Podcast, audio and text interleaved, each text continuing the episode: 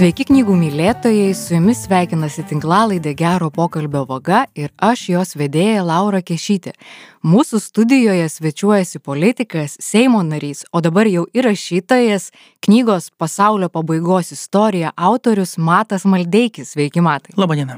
Šiandien kalbėsime apie jūsų knygą, kurią skaitant man, pripažinsiu, kilo daug įvairiausių klausimų. Tačiau noriu, jog mūsų pokalbis būtų įdomus ir tiems, kas jūsų knygos galbūt dar neskaitė, todėl pokalbio metu, manau, verta bus aptarti knygos atsiradimo prielaidas, o taip pat ir apibriežti kai kurias savokas ar netgi plačiau paaiškinti kai kuriuos reiškinius, svarbius tekstus, į kuriuos jūs referuojate. Na tai siūlau pradėti nuo knygos pavadinimo pasaulio pabaigos istorija. Turbūt svarbu paaiškinti, na, ką jis reiškia, nes yra pasaulio pabaiga, kaip apokalipsė, yra istorijos pabaiga, naujausiais amžiais siejamos su liberalaus pasaulio triumfu po šaltojo karo, o kas yra pabaigos istorija? Na, pasaulio pabaigos istorija. Tai ačiū už gerą klausimą iškart. Kodėl toks pavadinimas? Jisai kilo ir kad užaštrinti klausimą, apie kurį aš kalbu, ir apskritai paaiškinti gyventojams, žmonėms, su kuo mes susidurėm. Dėl to, kad mes iki galo nesuprantam, kad tas pasaulis, kuris mus supa, tas tarptautinis pasaulis, tai tas mums įprastas pasaulis, kurį mes matom žiniuose ir kuris mums yra labai įprastas, kurį mes traktuojame taip kaip natūralų evoliucijos rezultatą, kuris yra toksai, koksai yra ir kurį tu primi ir tu ne, neįsivaizduoji ieškoji kažkokios alternatyvos jam. Tai tas pasaulis iš tikrųjų yra konstruktas. Ir mano pavadinimas ir iš esmės šita knyga yra dekonstruoja tą konstruktą, bando paaiškinti, kaip jis buvo sukurtas, koks buvo, tiesą pasakius, svarbus lietuvių vaidmuo tam pasaulio sukūrime, kad jis nėra toks natūralus, prie kurio mes galime tiesiog įsivaizduoti, kad tiesiog jisai yra ir visą amžių bus. Jisai baigėsi, mes turėsime naujo pasaulio tvarką ir ta pasaulio tvarka, prie kurios mes esame pripratę, ta, kad minėjote liberalios demokratijos tas triumfas po Sovietų sąjungos griuvimo, kaip jisai buvo priimtas ir kaip aš jį biški kitaip žvelgiu savo knygoje, jis išgyvena savo pasnės dienas, mes turėsime naują realybę ir bandydamas tiek įtraukti skaitytoją, tiek paaiškinti, žinot, kartais patraukti dėmesį reikalingas tam tikras nedidelis šokas. Nedidelis šokas, kad tu susimastytum, nes mes gyvenam per per didelėj informacinėj erdvėj ir tu tiesiog netkreipi tam tikrus dalykus dėmesį. Ir aš norėjau, kad pavadinimas jisai atkreiptų dėmesį, kad žmogus perskaitęs pavadinimą galvotų, velnės, ką jis čia norėjo to pasakyti. Ir galbūt jam kažkas surezonuotų ir jam pasidarytų įdomu. Jūs rašote, kad ši knyga nėra akademinis veikalas, o politinis. Ir autorius nevaržo savęs įsipareigojimų pagrysti kiekvienos minties tyrimais, įrodymais ar formulėmis. Tai matai, o kuo akademinis veikalas skiriasi nuo politinio veikalo ir kodėl politikui, kitaip nei akademikui, galbūt neprivalu pagrysti savo minčių. Taip, tai dėl to, kad, na, jeigu tu įmi akademinį kažkokį reikalą, ypač jeigu tai yra istorinis reikalas, tai ką daro istorikai, kaip mes įsivaizduojam tos istorikus, kurie sėdi bibliotekoje ilgais vakarais, žymisi kažką tenais ieško kažkokios vienos kitos detalės, kuriem išryškintų vieną ar kitą aspektą. Kai mes kalbame apie politinę knygą, tai jinai gali apimti platesnį kontekstą ir nesusikoncentruoti kažkokias detalės, kur jinai turėtų kiekvieną iš jų pagrysti savo, sakykime, nuorodomis, nuonašomis ir kitokiais visokiais, na, argumentais, kuriuos tu galėtum po to lysti ir juose, tiesą pasakius, kartais paskesti. Tada, mhm. nes kai tu kalbė apie politinį įsivaizdavimą, tai yra vertybinis įsivaizdavimas. Iš kur bet kokia atsiranda politika ir kokiam mes pasaulyje gyvenam. Mes iš tikrųjų gyvenam vertybinėme pasaulyje. Mes turime vienas vertybės, kiti turi kitas vertybės. Kiekvienas iš mūsų gyvena tam tikroje savo vertybių skalėje, tam tikroje savo vertybių paradigmoje.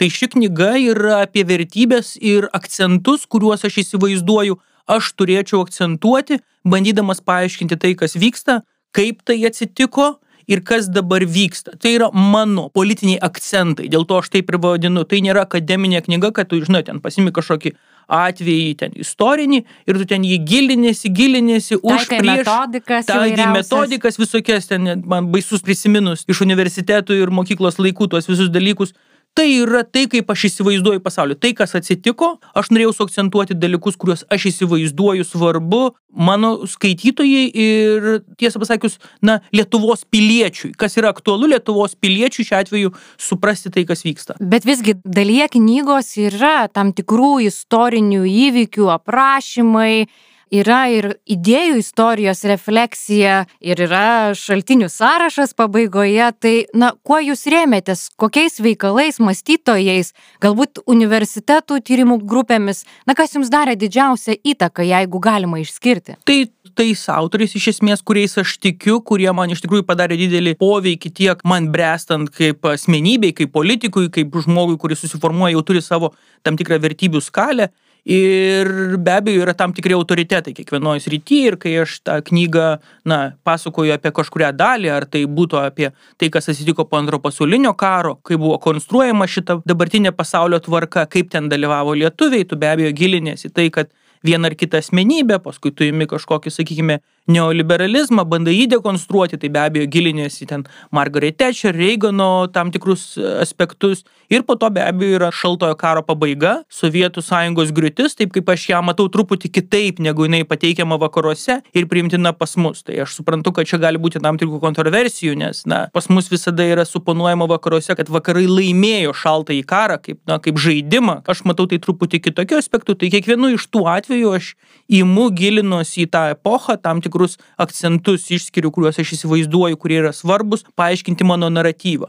Iš esmės šita, šita knyga yra, na, reikia pripažinti, tam tikras naratyvo kūrimas. Mes tiesiog neturime naratyvo to, kas atsitiko po antrojo pasaulinio karo su ta liberali demokratija, kuri uždominavo po šaltojo karo pabaigos ir mes neturim vienos istorijos, vieno naratyvo apie tai, kodėl, kas ir kaip. Tai mano šita knyga yra paprastas bandymas tiesiog, na, sukonstruoti, kad žmogus, kuris truputį besidomi politika, jisai pers ir jisai ten paskaito vieną ar kitą, žinot, antraštės, kaip mes visi mėgstam, ir iš jų susidaro bendrą vaizdą apie tai, kas vyksta šalyje ir pasaulyje. Tai aš norėjau, kad tas žmogus, kuris paskaito antraštės, pasižiūri žinias ir įsivaizduoja, kad aha, viskas šiandien aišku, kad jisai perskaitęs mano knygą, kai kitą kartą jisai žiūrėjo žinias ir jisai galvos, a, aš žinau, kodėl taip atsitiko, nes tai yra ne taip paprasta kaip šiuo atveju, o tai yra dėl to, kad tas, na, sudėti tokį, kaip pasakyti, nežinau, ar tai lietuviškas žodis puzzle. Tiesiog sudėti puzzle, kurį jis pamatytų didelį vaizdą, o ne tą mažytės nuotrupas, kurias mes turime žiniuose. Akademikai e, skaito vieni kitų darbus, recenzuoja. Ar jūs turėjote tokį knygos e, recenzentą, redaktorių, kuris, na, ne kalbą tikrintų, o tikrintų pačių minčių, loginį surišimą, galbūt kontekstų duotų pastebėjimų arba sakytų, matai, nu išimkit šitą dalį? Ne, ne, ne. Tai buvo mano, tai buvo grinai mano įsivaizduojamas kampas pasaulio. Aš sudėjau tai, ką aš maniau akcentus, mes pasišnekėjom su leidikla veikla, tai yra iš esmės mano tai, kuo aš gyvenu ir tai, ką aš Tiesą pasakius, kiekvieną dieną aš apie tai rašau, tik mažomis nuotrupėmis, tai aš pabandžiau įdėti ir paaiškinti tai, tai kas ir kodėl. Man įsiminė knygoje jūsų mintis, nebūtinai viskas, ką laikome chaosu, yra tarsi nevaldoma banga jūroje, jog egzistuoja naratyvas, pasakojama ryšanti logika, Na ir kad skaitytojai suprasiu, iliustruosiu keliais pavyzdžiais. Vienu jūsų, kitų savo. Tai vad jūs pateikėte pavyzdį, jog valstybiniai Rusijos kanalai su malonumu duoda eterį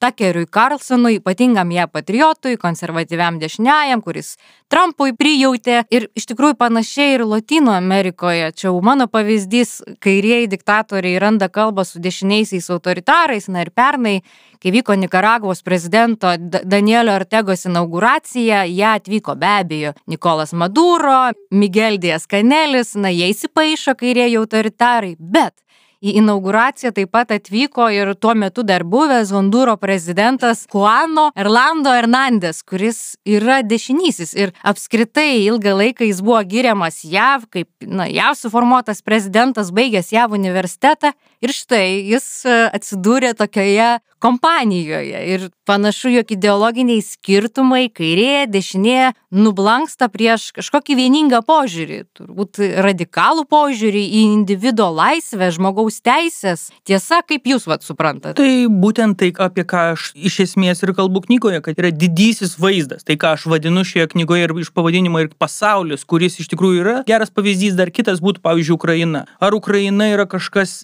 netikėto ir, na, visiškai buvusio neprognozuojamo? prognozuojamo ne iš tikrųjų tai galima buvo apie tai įsivai suprasti kad taip bus jeigu jūs paimsite kai kurių autorių kūrinius sakykime na tą patį tenais nežinau kisindžerį jūs matysite kad kova dėl ukrainos tiktai laukia jisai apie tai rašė prieš dvidešim metų iš kur jisai tai ima iš didelio to vaizdo geopolitinių tam tikrų tektoninių lūžių kurie yra vedami istorijos. Tai iš tikrųjų čia galbūt toks marksistinis požiūris pasirodys bet iš tikrųjų na tu turi tam tikrą eigą ir tiesiog taip vyksta. Tai aš bandau paaiškinti kodėl taip vyksta o ne tos nuotrupos mažytės kad pavyzdžiui atvažiavo vienas ar kitas jisai susitiko ar ne bet iš esmės jisai susitiko dėl labai paprastos priežasties. Dėl to kad jisai turi savo interesų toje šalyje ir jisai nori legitimizuoti ir savo šalies viduje ir turėti draugą ir tam tikrų dalykų. Tai yra geopolitiniai klausimai tai nėra asmeniniai kas laimėjo ar pralaimėjo. Ar jeigu pavyzdžiui karas ukrainoj ar jeigu nebūtų putino ar tas karas būtų.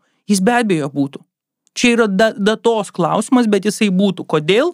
Dėl to kad yra tam tikri na istorijos etapai kuriuos tu turi pragyventi Ukraina jos turi pragyventi, mes turėjom pragyventi, tai apie tai aš ir kalbu. Pagalvojau jums kalbant, kad na, mes Lietuvoje tarsi laikomės įsitikinimo, kad mes suprantam, kas yra Rusija, mes taip nesenai išplėšėme savo nepriklausomybę, bet štai atsimenu Rosos Juknevičianės buvo postas apie tai, kad kai jinai pradėjo kalbėti, jog mums trūksta sav, savų gynybinių resursų ir kad na, reikia ruoštis Rusijos grėsmėms, na, kad ją žiūrėjo taip kaip į šiek tiek išprotėjusi žmogų, nes pasaulis tarsi atrodė saugus ir mes sakom, vakarai nesupranta Rusijos, bet mes ir patys, žiūrėkite, kažkaip, nu, suklydome, kaip čia reiktų sakyti. Jeigu paimti bendrą tendenciją, tai be abejo mes buvom vieni iš nedaugelio, kurie kėlė tas grėsmės. Mes sakėme, kad tai yra grėsmė, tiktai galbūt mažai įsivaizdavo, kad jisai tam ryšį, sakykime, vienam ar kitam karinių veiksmų, bet kad tai yra grėsmė, be abejo visada buvo suprasta dėl to, kad tu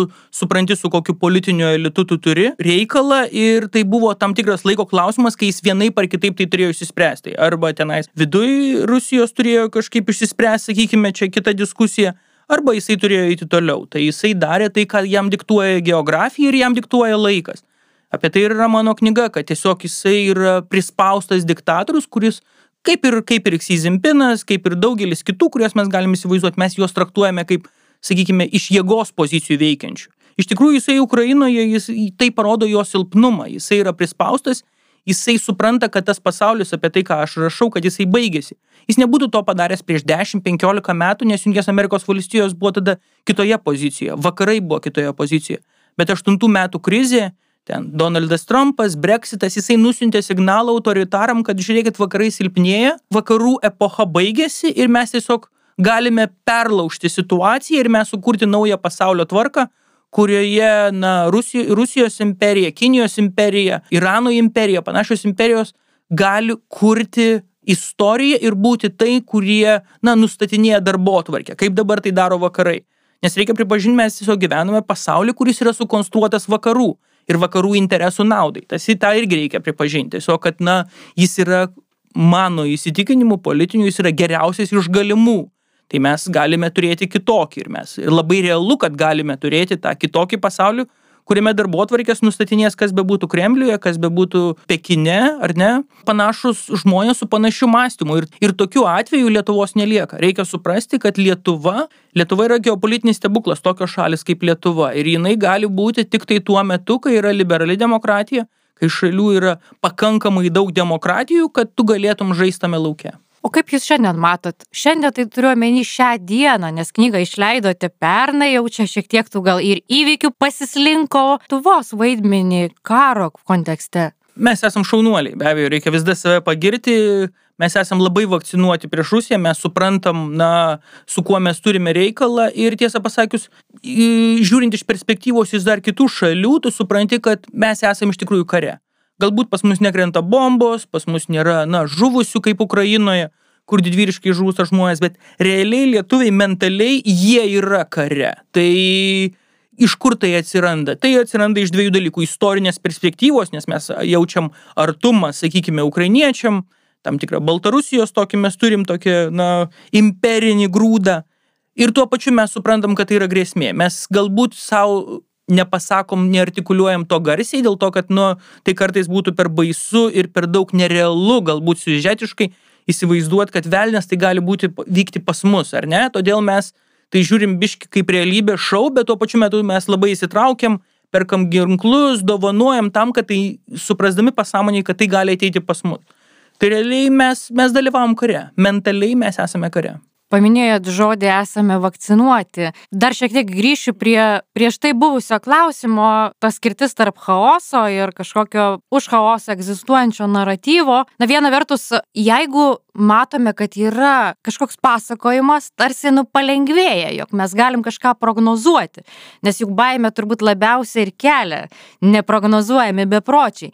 Bet aš čia matau problemą ar veikiau pavojų, jog vienoje pusėje, jeigu yra chaosas ir iš to kylanti galbūt destruktyvi ir nihilistinė kažkokia laikysena, tai kitoje ekstremumo pusėje yra visa paaiškinantis naratyvas. Na, vadinkime tai tuo, kuo yra samokslo teorijos ir va štai, va, šių metų pradžioje nuvilnyjo spekulacijos. Ir ne tik Lietuvoje, jog tikroji čia žinomas influencerės mirties priežastis mhm. skiepai nuo COVID-19. Tai kaip čia tarp tų dviejų ekstremumų, tarp chaoso ir vat, viskas aišku, kas čia iš tikrųjų yra laviruoti. Tai labai geras klausimas. Tai kalbant apie chaosą apskritai ir kalbant iš tos didžiosios perspektyvos, tai iš tikrųjų yra tam tikri dėsniai, kurie veikia, istoriniai dėsniai ir tam tikri konstruktai, kurie veikia.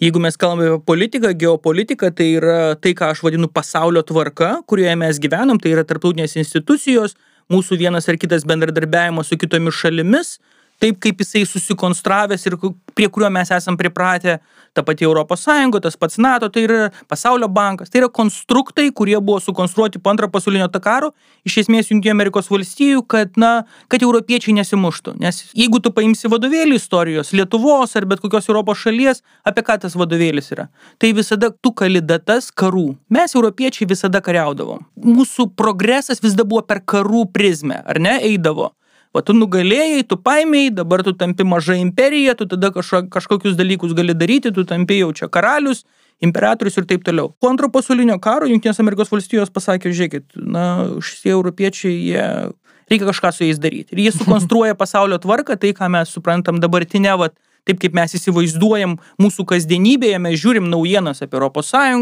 apie tai, kas Junktinėse Amerikos valstijose atsitiko, kaip tenais, nežinau, ten Afganistane kažkas atsitiko ir įsivaizduojam, kad tai yra tos mažos nuotrupos, kurios nesusijusios tarpusavyje. Ne, tai yra dalykai, kuriuos tu gali sujungti, jeigu tu paimsi didelį paveikslą ir suprasi, kodėl tai vyksta ir iš kur tai ateina. Apie tai ir yra mano knyga. Kitoj pusėje yra tam tikras chaosas, be kurio tu negali gyventi, nes, na, mes net ne šiuo laiku, bet apskritai mes gyvename absoliučiai neapibrieštumo zonoje. Tai, kas vadinama juodoji gulbė, vienas ar kitas atvejis, kuris labai retai pasitaikantis, tai iš esmės, na, juodųjų gulbių yra labai daug. Jeigu mes priimtumėm ir tų tų drugelio efektų ir kitų dalykų, kai tu supranti, kad labai daug neapibrieštumo yra bet tas neapibrieštumas yra tam tikrose rėmose. Ir tai sukuria saugumą, kuriame mes gyvename. Mes galim pati demokratija, pati liberali demokratija, jis suponuoja tam tikrą chaosą ir betvarkę. Autokratas vis dar remiasi tuo, kad jisai pasako, žiūrėkit, aš būsiu jūsų lyderis, aš išspręsiu visas jūsų problemas, aš žinau visus atsakymus, kurie yra visada bus paprasti. Labai aiškiai, kas kaltas, kodėl ir, ir jisai visada pateiks labai paprastą atsakymą ir jisai pasakys, aš viską sutvarkysiu. Tartum jisai žino atsakymus į visus chaosus. Dėl to jiem taip nepatinka kažkokios krizės ar kas ir kodėl autokratai visada lūšta krizėse. Jie arba jie nuverčiami, arba kiti dalykai dėl to, kad, na, jie neprisitaiko. Jie, jie žino vieną kelią, atsakymą, kuris yra veidrodėlėje iš esmės. Na, tas, jis žino ankstesnius atsakymus, o pasaulis toks, kad tu į priekį žiūrint, tu negali, negali tų dalykų suprasti. Tai demokratijos stiprumas yra tame, kad demokratija tame chaose ir ta sukurta sistema po antro pasaulinio karo, jinai leidžia tame chaose turėti tam tikrus grūdus, tam tikrus inkarus, su kuriuo tu užsikabini, laikaisi ir sprendi problemas ir tu važiuoji. Puikus pavyzdys yra 8 metų krizė, ar ne, kai atrodė, kad jeigu pažiūrėjus, pasiklausius analitikų ir visų pasaulio pabaiga, ar ne, jau atėjo,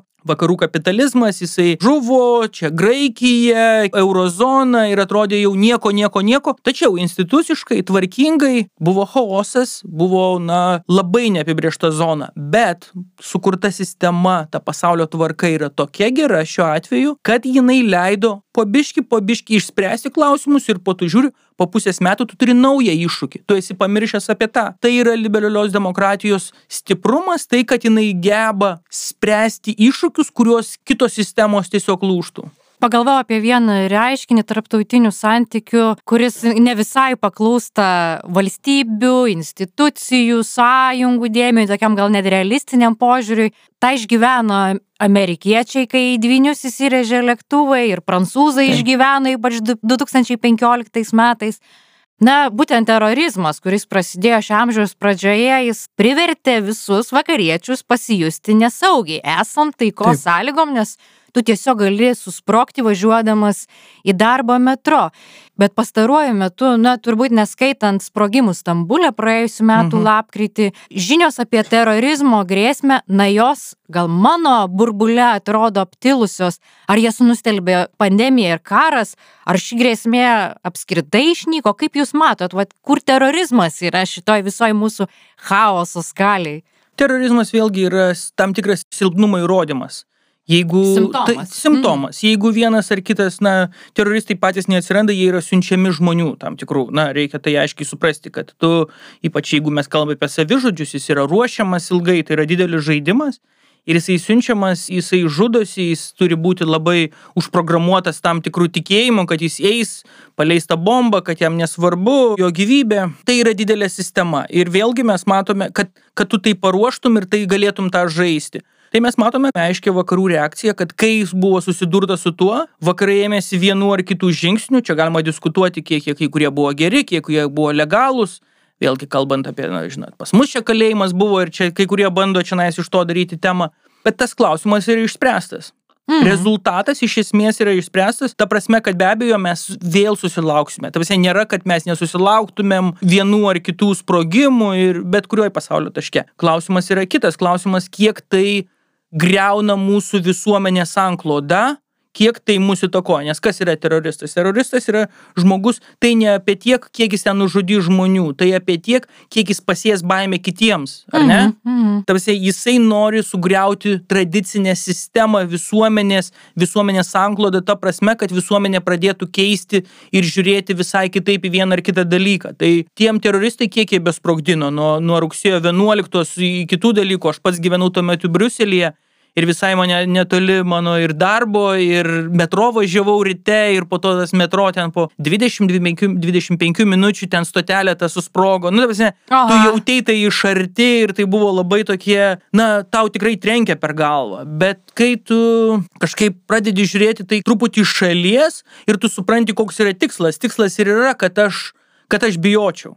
Ir tada, nu, ko aš turiu bijoti? Na, nu, tavasme, vienai par kitaip, viskas vienai par kitaip išsispręs, visi mes esame mirtingi ir, na, ką tu mane, man gali pakeisti. Ir tai, tai irgi vakariečius įtakojo, kad, ta prasme, vakariečiai tapo atsparesni ir tuo pačiu metu mes turime institucijas, kurios su tuo iš esmės susidorojo. Knygoje teigiate, jog liberalioji demokratija yra daug trapesnė, nei esame linkę manyti, jau šiek tiek tą temą irgi kalbėjome. Na, iš tiesų, pagalvoju, apokaliptinis kinas, kuris populiarus ir distopinis kinas šiandien ir serialai, Na, jie yra parodę ne vieną griūties sukėlėją aplinkybės, tai virusai, ekologinės, biologinės katastrofos, singuliarumas ateivių invazija tokie didieji įvykiai. Bet galvoju, gal yra ir mažieji, na gal užtektų, jog du įtakingi politiniai veikėjai tiesiog išgėrė susimuštų lėktuve? Na, čia, čia, čia šitas, aš manau, nesugriautų vakarų visuomenių dėl to, kad vat, būtent instituciškai vakarų visuomenės yra labai stiprios tuo požiūriu, kad vienas ar kitas lyderis, dar klausimas, kiek, na, kiek jisai iš tikrųjų pakeičia istorijos eigą. Aš šiaip apskritai esu toksai, galbūt jis bus kontroversiškas požiūris, aš labai netikiu dideliu e, asmenybių vaidmeniu istorijoje. Aš tikiu tam tikrą istorijos eigą ir, na, jeigu mes, sakykime, šio laikinę visuomenę paimam, tai iš viso tai yra žmonės, kurie atlieka, tie politiniai lyderiai, kuriuos mes matome, jie atlieka tam tikrą rolę ir, žinot, kai pasikeičia lyderis ir ten spauda diskutuoja, ar dabar kažkas pasikeis ar ne, ar čia dabar jau ta valstybė elgsis taip ar kitaip. Na, ne taip veikia.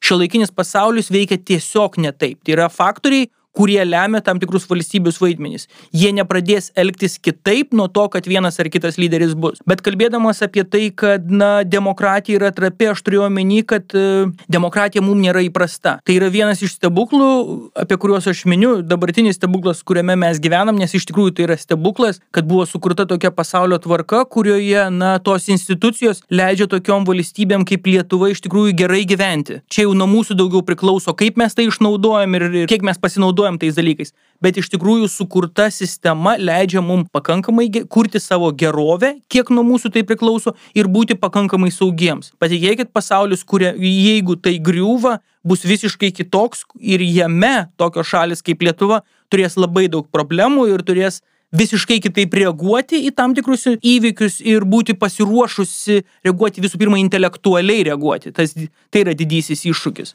Tai ta pasaulio tvarka yra stebuklas, o kitas stebuklas tai yra tai, kad mes gyvenam demokratijoje.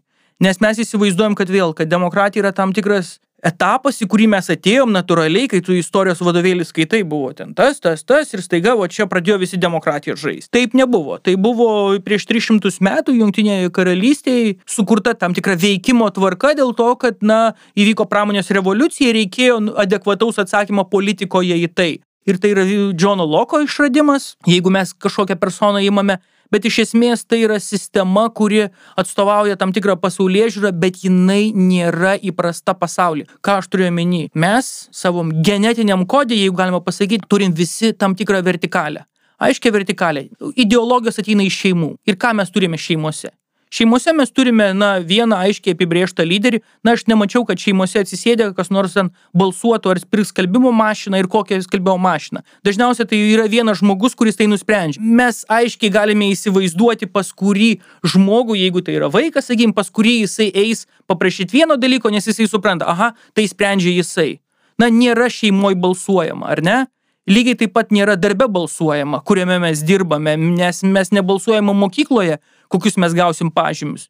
Ir staiga yra kažkoks fenomenas - demokratija, kur ateina kažkas balsuoja ir sprendžia mūsų visų gyvenimus. Tai demokratija kaip tokia, jai tik tai realiai yra 300 metų ir jinai nėra mūsų genuose. Ir ką tai reiškia? Tai reiškia, kad e, demokratijai gerai, kai yra ekonominis pakilimas, kai tu gyveni kiekvienoje kartoje vis geriau, dėl to, kad kaip žmogus apibrėžia sėkmės pats savaime, filosofiškai savo būdamas su savimi ir kalbėdamas, ar aš esu sėkmingas žmogus ar ne. Jis tai apibrėžia visų pirma, žiūrėdamas į savo tėvus. Ar aš gyvenu geriau negu mano tėvai. Jeigu aš gyvenu geriau negu mano tėvai, reiškia, aš esu sėkmingas žmogus. Jeigu aš gyvenu blogiau negu mano tėvai, reiškia, aš esu nesėkmingas žmogus. Čia mūsų vidaus taip laikrodukas veikia. Kas atsitiko? Po antro pasaulinio karo buvo ta pasaulinė tvarka, apie kurią aš kalbu, Bretton Woods'e sukurta, jinai leido kiekvienai kartai gyventi vis geriau. Kapitalizmas plėtėsi, tarptautinė prekyba plėtėsi, demokratinis laukas plėtėsi, kiekviena karta gyveno vis geriau, kiekviena karta įsivaizdavo, kad po jos bus dar geriau. Tak šviesus rytojus, ar ne? Tu turėjai aišku planą ten, jeigu imti jungtinės valstijas, labai aiškiai įvarsime tas American Dream, tas Amerikos svajonė, kad tu sieksi, tu čia tapsi milijonieriumi ir visi kiti dalykai. Labai gerai visuomeniai parduota ir visuomenė sėdėjo, tu siekiai ir, ir sauramiai gyveno. Ir kas atsitinka, mes dabar turime pirmą kartą, kuri jau čia ir Lietuvai prisijungus prieš 30 metų prie to pasaulio, kurioje, na, kuri turbūt jau nelabai gyvens geriau. Aš kalbu apie vakarų visuomenės apskritai dėl išsivadėjančio kapitalizmo, jeigu taip galima pasakyti, jis tiesiog nebepatempė ir pasibaigiančios pasaulio tvarkos. Iš tos pasaulio tvarkos, apie kurį aš čia kalbu. Tai reiškia, kad tie žmonės taps pikti. Ir jeigu jaunimas, kuris turi daug vilčių, žinote, turėti ten uh, sodybą, turėti automobilį, įsivaizduoti, kaip čia šuniukas bėgioja, du vaikučiai, tas idilinis vaizdas, kaip mes įsivaizduojam, va, va aš dabar eisiu į mokyklą, baigsiu, dabar eisiu į universitetą ir va čia tada gausiu tiek ir tada pasistatysiu ir va čia taip gyvensiu. Ir kai jisai negaus to, klausimas labai paprastas, kur jisai iš jų ieškos atsakymų. Ką jisai norės padaryti kaltą dėl to? Ar dėl to, kad jam taip nepasisekė, ar dėl to, kad kažkas kitas kalba? Tai mes vėl grįžtam prie tos istorijos buvusios, kuri antro, po antro pasaulinio karo vakaruose buvo pabaigta, o po šaltojo karo ir Lietuvoje pabaigta. Iš esmės, kai atsakymų gali būti ieškoma, žinot, paprastų atsakymų pas žmonės, kurie stipria ranka tau pateiks atsakymus, kad va, žiūrėk, va tas kaltas jeigu tu būsi su manim, klausysi manęs, čia žiūrėkit, einam, šituos čia išpjaunam, šitie blogi ir, ir viską mes suprantam iš istorijos, ar ne? Tavasme, mums tai jau atrodo, na, neįtikėtina, bet mano įsitikinimu mes tiesiog, na, gyvenome vat, tam stebuklingam periode, kuris buvo išimtis, o ne taisyklė. Ir dėl to tą išimti tiesiog norisi kuo ilgiau pratemti ir mano knyga yra tokia pastanga žmonėms papasakoti apie tai, kad yra išimtis ir mes turime ją kuo daugiau, na, saugoti ir stengtis, kad jinai išliktų. Dėl to, kad alternatyva nėra gerai. O matai, ar jūs įsivaizduojat kapitalizmo pabaigą ir kas baigtųsi? Turbūt pirmiau demokratija baigtųsi, tada baigtųsi kapitalizmas. Kapitalizmas kaip toksai niekada nesibaigs dėl to, kad kapitalizmas yra realiausia forma, kad jeigu, pavyzdžiui, paleidus du žmonės negyvenamoj saloj, kad jie tiesiog vat, gyvena ir nieko aplink neturi ir tu tiesiog juos stebėsi, tai po metų tu pamatysi, kad jie sukurs tarpusavį kapitalizmą, jie galbūt neturės tokių pinigų ar ten kokių bitkoinų, bet jie keisis vienas su kitu produktais ir jie iš esmės žais kapitalistinę sistemą. Klausimas, kad kapitalizmo viduj yra, nu, tam tikrų skirtumų. Tas kapitalizmas, kuriame mes gyvename, vienas iš jo autorių buvo Berne, tai buvo Freudo sunienas. Įdomi istorija apie tai, kad jis perskaitė Freudo knygą ir sako, velnės, žmonės iš esmės yra blogi, man reikia sukurti kažką, kad žmonės taip nedarytų. Ir jisai kūrė reklamos agentūrą, jisai sukūrė rinkodarą. Tai buvo sukurta rinkodara tam, kad žmonės, na, jie iš esmės nekariautų, o eiktų pirkti džinsus penktus. Ar ne? Vasme, žmonės tada turi atsakymus, kad jiem reikia penkių džinsų, o ne, o ne, o ne eiti kažkur kariauti, kad kažkas yra kaltas, ar ne? Tai ilguoju laikotarpiu tie džinsai buvo perkami, perkami, perkami, paskui vienu metu buvo pamatyta, kad velnės žmonės nebeperka džinsų, nes baigėsi pinigai. Tada buvo sukurtas labai geras dalykas kas vadinasi kredito kortelės ir žmonės galėjo toliau pirkti į kreditą. Ir prasidėjo tada pirkimas į kreditą visko ir mes dabar prieinam kapitalizmas tokį laiką, kai na, visa sistema yra, švelniai tariant, smarkiai kredituota. Mes viens kitam įsiskolinę. Viens esame... kitam esam smarkiai įsiskolinęs, tik vienas, vienas kitam, vienas e, e, kiekvienas, nu, didelė dalis bankams, sakykime. Valstybės irgi. Taip, o bankai vienas kitam ir ten valstybės valstybėm. Ir staiga tu pažiūri, kad viskas yra parišta ant tos virvės. Tai vad, baigėsi, ta, kai aš sakau, kad baigėsi tam tikra kapitalizmo epocha, baigėsi tas vartojamoškasis kapitalizmas. Ta prasme, mūsų jau vaikai, jie tokie, jeigu pastebit, jie, jie kažkokie kitokie. Yra dėl to, kad visi marketingistai sako, jų nepaimė nei tais prekių ženklais, nei kitais, jie nenori tai pirkti, jie jau kitokie, čia jau gamtos kažkoks išmislas, bet iš principo mūsų atveju tai tiesiog, na, kapitalizmo atveju tai, kad, na, žmonės supras, kad jiem nebereikia penkių džinsų ir ieškos atsakymų kitur. Ir kapitalizmas turės prie to prisitaikyti ir pasiūlyti tam žmogui, na, kažkokį kitą atsakymą, kad gautų jo pinigus ir jį nuramintų, kad jisai nenorėtų ieškoti tam tikrų, nu, atsakymų, tai kaip buvo, sakykime, toj pačioj Vokietijoje prieš antrą pasaulinį karą, ar ne? Turiu prieš paskutinį klausimą. Jūs rašot, kad demokratija, kapitalizmas ar žmogaus teisės yra dirbtini konstruktai. Taip. Ta ir pokalbėje Taip. minėjot, o jie žmogui iš prigimties nebūdingi ir atvirkščiai jie veikiau prieštarauja žmogaus prigimčiai. Filosofiškai Taip. noriu jūsų paklausti, kokia žmogaus prigimties samprata jūs vadovaujatės? Tai, ką aš skaitau istorijos vadovėliuose. Pirmykštėse bendruomenėse, bendruomenėse, kurios jau po to, na, kai tapo žmonės sėslus, pradėjo gyventi ten kaimuose, nedėlėse bendruomenėse, ką mes matėm. Pirmutinė savybė, kurią mes matėm, tai labai didelis smurto kiekis vienas prieš kitus mes gyvename epochoje dabar, kur iš tikrųjų smurtas yra, na, didžiajam dalimi išimtas iš mūsų visuomenės, kaip tokios, jeigu mes matome kažkokį vieną ar kitą ten žmogžudystę, sakykime, ar ne, tai yra į naujienų antraščių viršuose ir be abejo visi žmonės norės apie tai paskaityti. Ar ne? Čia ir kitas dalykas, kuris apie mus daug pasako, nes mums labai įdomu, kas ten ką užmušė, ar ne? Bet mes matome labai didelį, visa istorija pasižymėjo labai dideliu smurto kiekiu vienas prieš kitą. Archeologai atkasa, jie mato, koks didelis procentas žmonių tiesiog e, mirė smurtinė mirtimi. Tada mes matėm, kaip valstybė su valstybė bendradarbiavo. Stabiliausia forma vis dar buvo imperija. Imperija ta, kuri, na, iš principo, mums natūraliausios yra dvi formos. Tai yra miestas, bendruomenė, kurioje mes tam tikrai gyvename jau. Ir antras yra imperija.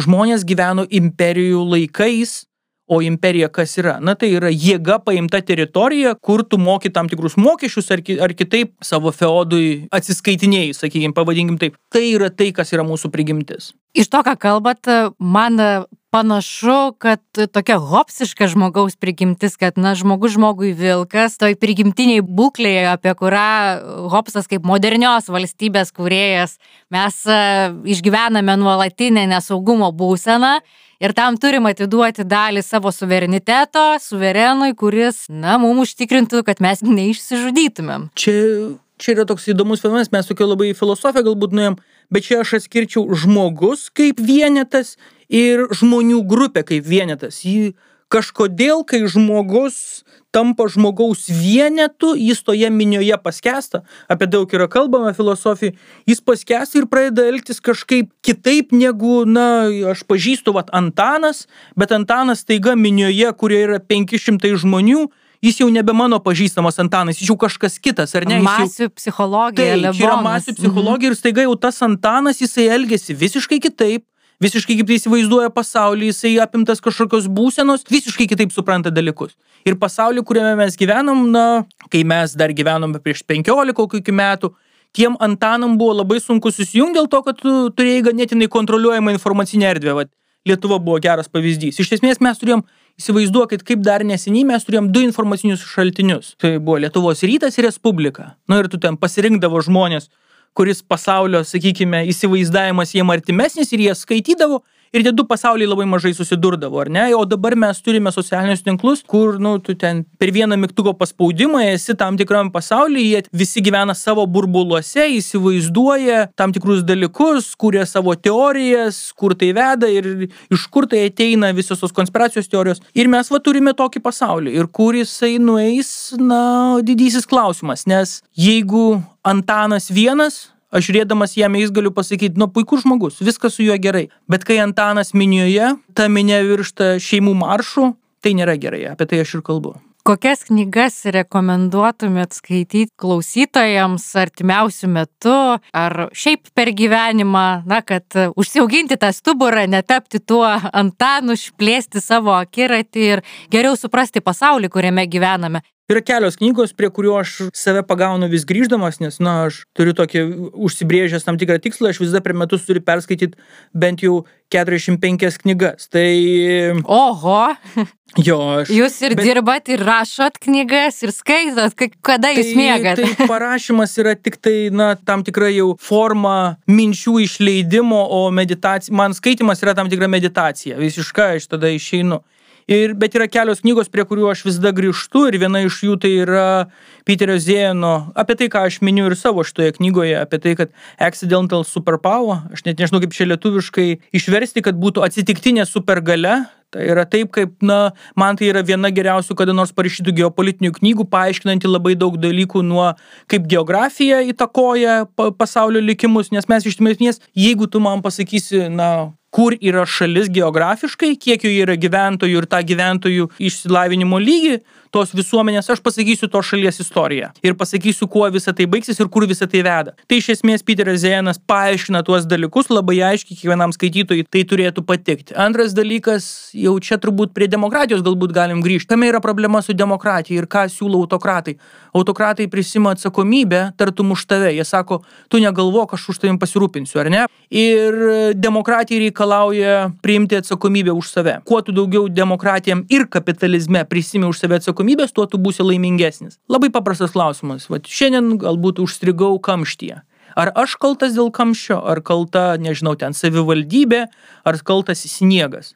Jeigu tas žmogus, kuris sako, kad kalta savivaldybė, aš daug maž žinau apie tą žmogų labai daug galiu pasakyti. Ir tas žmogus, kuris pasakys velnės, aš neatsikėliau anksčiau, ne, nenusivaliau anksčiau mašinos ir neišvažiavau ir dėl to, ir dėl to patekau į kamštį. Esu aš kaltas tas žmogus į pasaulį žiūrės visiškai kitaip. Ką aš to noriu pasakyti? Yra labai gera knyga, jinai ganėtinai sena, Davido Deidos, kai jinai lietuvių kalba nėra išversta, yra The Way of a Superior Man. Iš esmės pavadinimas tai yra atspindi, jinai tokia ganėtinai, na, maskulininė, ypač šiais laikais. Tai yra knyga iš esmės vyram, parašyta apie tai, kaip vyras turėtų gyventi, nugyventi savo gyvenimą. Kaip jis turėtų elgtis gyvenime, kad jisai nu, gyventų pilnavertišką gyvenimą, kaip jis turėtų elgtis santykiuose ir kitus dalykus. Tai tai yra knyga vyro apie vyram, bet aš iš esmės rekomendavau ją keliom moterim, jos perskaitė ir sakė, wow, Aš dabar labai supratau vyrų psichologiją, nu, supratau, ko aš noriu iš vyro ir suprantu vyrų psichologiją ir iš esmės, ko man trūko santykiuose. Tai iš mhm. esmės tai turėtų paskaityti ir moteris, mano įstikinimu. Bet vyram aš esu įstikinęs, kad čia turėtų būti vos ne 12 klasės kurso, sakykime, knyga, kuri labai suformuotų ir padėtų žmogui ateity. Po to man labai patinka and Fall of Third Reich labai stipri knyga, kuri labai daug atskleidžia supratimą, na, va, kaip po biški, po biški ta keičiasi visuomenė apie tai, ką aš kalbėjau, nes vokiečiai iki nacistų, reikia suprasti, kad vokiečiam užtruko 5-7 metus sukurti visiškai naują naciją. Apie tai, ką aš kalbu savo knygoje, kad, na, mūsų tas įsivaizdavimas, tuo metu vokiečiai ir, sakykim, austrai ypač, viena, apie kurią aš knygoje kalbu, na, buvo kultūros viršūnė, visi vaikščiojo į filharmoniją, klausė gražios muzikos ir įsivaizdavo, kad, na, čia yra civilizacijos viršūnė. Nacijam pritruko tik penkis metus iš to šalies padaryti visiškai naują naciją. Ir matyti tą palaipsniui yra labai labai stipru. Ir čia kitas, kuris man labai rezonuoja, jau lietuvių autorius, tai yra Černiauskas. Černiausko paskutinė vasara, jinai tiesą pasakius, yra apie tai, ką yra mano knyga ši, dėl to, kad jisai ima istorinę perspektyvą, kaip 40-aisiais, tas, tas, nu, tiesiog fantasmagorija, kai tu žiūri žmonės, kurie kažkokius turi planus, čia verslininkai kažkokias ten keulės pradeda auginti, dėl to, kad jiem reikės veršti, vežti į Britaniją. Laikraščiuose vis... net nefigūruoja tai pirmuose puslapiuose. Nėra tokių dalykų, o kai tavsi, tu supranti, kas už lango, tai yra vat, būtent apie tai, ką aš neku savo knygoje. Man jinai labai tas, tas paveikė, dėl to, kad Tarsi, tie žmonės įsivaizduoja, kad jie gyvena kažkokiam Dievo užkampyje, burbule, jie turi planų, jie ramiai konstruojasi, viskas gerai. Tuo metu didžiausia diskusija, kuri vyko, vėl mūsų pavyzdys, tai yra apie tą bažnytinę santoką. Ar gali būti santoka nebažnytinė? Tarsi, tai yra, na, tai yra neįsivaizduojama, ar ne, kad atsirado kažkokie žmonės, kurie sako, žiūrėkit, gali santoka būti santokų rūmose. Ir tada ta diskusija, lygiai taip pat kaip, nu, suprantat, ką noriu pasakyti, lygiai taip pat mūsų laikai ir tu skaitai, absoliučiai niekas nepasikeitė, mes esam visiškai tokie patys 40-aisiais ir aš tą labai jaučiu, kai mes gyvenam Dievo ašantį, dabar jau, tiesą, tiesą pasakius, tas karas Ukrainoje labai daug ką pabudino ir staiga visi, žiūrėkit, čia karas, karas, karas, šitaip negalėjo būti. Galėjo. Vat apie tai aš neku knygoje. Ir ta Černiausko vasara, jinai labai gerai iliustruoja tą pavyzdį, apie kurį aš neku. Mes lygiai taip pat kaip 40-aisiais sėdime, įsivaizduojam, ten tas verslas, čia reikia priekyba, čia Kinija, viskas, čia kažkas, na, žinot, šukalioja, bet iš tikrųjų viskas yra normaliai, viskas normaliai. Tai taip, situacija yra kita, dėl to, kad mes turim pasaulio tvarką dabar, kuri, na, yra kitokia nei ta pasaulio tvarka buvo po, po, po, antro, po pirmo pasaulinio karo. Bet vėlgi, tai yra labai gležna ir pajausti tas, na, paraleles, tai yra puikiai knyga. Kita dar būt, jeigu iš lietuvių autorių dar vieną paminėčiau, galbūt jinai tokia Lietuvoje, aš nežinau, jinai buvo tokia gana kontroversiška ir nustumta į lentynas, bet jinai man labai padarė didelį įspūdį, tai yra Vanagaitės, kaip tai įvyko tai buvo stipru. Tas istorikas, kurį jinai kalbina, jis man daug dalykų atvėrė įsivaizdavimo apie tai, kas tenais buvo ir kaip tai buvo ir tai yra baisu. Jeigu dar suprasti autokratus, suprasti politiką, kurioje mes gyvenom, vienas geriausių autorių yra Kotkinas, turbūt nu, jis yra autokratų studijuotojas ir jo visos knygos tiek apie Sovietų sąjungos griūtį, tiek apie šiuolaikinius autokratus yra labai labai stiprios. Tada be abejo yra Dostojevskis, aš vis perskaitau, perskaitau ir tai yra vienas geriausių, vienas giliausių, ką aš esu skaitęs. Ir man dar labai patinka, tiesą pasakius, vėl aš pagaunu save, kad aš ją kartais perskaitau. Aš nežinau, ar jinai lietuvių kalba išversta ir Išyro Kišimi uh, The Courage to be Disliked. Tai iš tikrųjų labai stipri knyga apie tai, kaip išmokti išmokti, na, priimti save tokį, kokį esi, atsijungti nuo to, žinot, tokio nerimo jausmo, kai žmonės gulasi ir su kuriuo keliasi ir kaip čia, kaip aš atrodau, kaip tie visi dalykai, kad iš tikrųjų, na, tai yra knyga, kurią tu perskaitęs, na, kuri tave pajudina. Ir tas yra labai, na, tas efektas yra labai stiprus, kad tu tu po knygos pradedi žiūrėti dalykus visiškai kitaip. Tai, tai yra didžiausias komplimentas, koks tai gali būti knygai. Tai ką, matai, ačiū labai, kad sudalyvavote, kad papasakojote apie savo knygą ir sakau šiandien iki susitikimo kitose formatuose. Ačiū Jums.